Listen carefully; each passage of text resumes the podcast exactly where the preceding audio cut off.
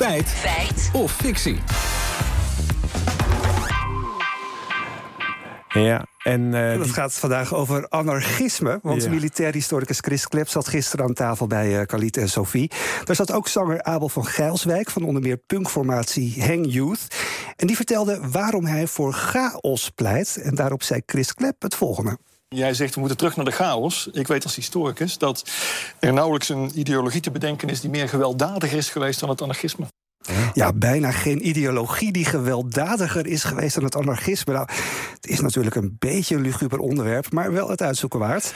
Ja, ja nou, niet, nou, niet heel gezellig zou je kunnen zeggen, maar, maar toch wel heel interessant. Want anarchisme natuurlijk, ja, we weten allemaal dat het ook tot allerlei uh, gewelddadige excessen heeft geleid. Maar mm. het gewelddadigste vraag ik me af, ook als je denkt aan andere ideologieën, uh, fascisme, uh, ja, ja, nationaal socialisme. Katholicisme misschien ook, ja. ja, ja.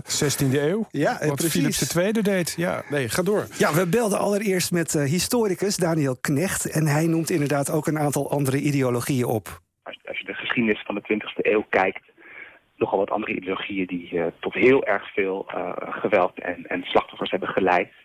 Stalinisme, Stalinistisch communisme natuurlijk. Ja, en Knecht is als historicus gespecialiseerd in het fascisme. Mm -hmm. En benadrukt dat het vooral deze ideologie is die gepaard gaat met geweld. Fascisme verheerlijkt eigenlijk geweld als een uh, legitieme en ook wenselijke oplossing van problemen. Ongelijkheid is fundamenteel voor fascisten. Mensen zijn fundamenteel ongelijk aan elkaar. Het is een natuurlijke toestand dat sterkere over de zwakkere zullen heersen. Of wij zullen overwinnen of in extreme gevallen ook zullen doden. Nou, nou, nou, nou. Fijne stroming zegt dat fascisme. Ja, vredelievend zou ik het niet bepaald noemen, nee. nee. Uh, het zit er dus echt ingebakken, dat geweld. Maar niet alleen daar, ook onder het Stalinisme. Het uh, communistische regime van Stalin werd iedereen die het niet eens was met deze ideologie aangewezen als vijand. Zij werd echt als de vijandelijke klasse gezien. En dat betekende ook dat die klassen dus moesten verdwijnen. Die klassen gedoemd waren om te sterven.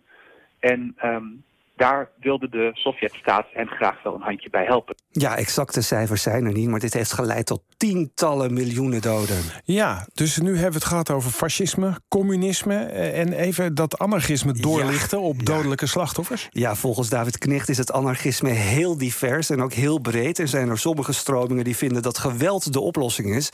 Maar er zijn volgens hem ook stromingen die juist fundamenteel geweldloos zijn. Ik belde ook de altijd optimistische historicus Maarten van Rossum en toen ik hem vroeg naar het anarchisme, zei hij het volgende. Ja. Feit is wel dat veel anarchisten ook gewelddadig waren. En dat met name in de 19e eeuw allerlei uh, gezaghebbende figuren vermoord zijn door anarchisten. Bijvoorbeeld uh, McKinley, de Amerikaanse president, is vermoord door anarchisten. En uh, daar zijn anarchisten die een bom in, de, in, de Franse, in het Franse parlement hebben gegooid. Ja, en dan doet Van Rossum nog een opmerkelijke conclusie. Je zou beter misschien in algemene zin kunnen zeggen dat vooral mensen die sterk ideologisch bewogen zijn, zichzelf gerechtvaardigd voelen bij het gebruik van geweld om hun ideologische doeleinden te realiseren. Ja, jammer is dat. Goed, uh, maar waarschijnlijk wel een hele terechte conclusie. Dus de anarchisten ook hebben zeker dodelijke slachtoffers op hun naam staan. Ja, ja klopt het dan wat Christ Klep, Christ Klep, die zei dus... er is nauwelijks een gewelddadiger ideologie te bedenken dan anarchisme. Ja, klopt dat? Nou, daar is Van Rossum heel duidelijk over. Getalsmatig zou ik zeggen, uh, staat uh, het anarchisme in de schaduw van het bolsjewisme en het nationaal socialisme fascisme. Ja, beide historici bevestigen dat het fascisme en het communisme vele tientallen miljoenen meer slachtoffers op hun naam hebben staan.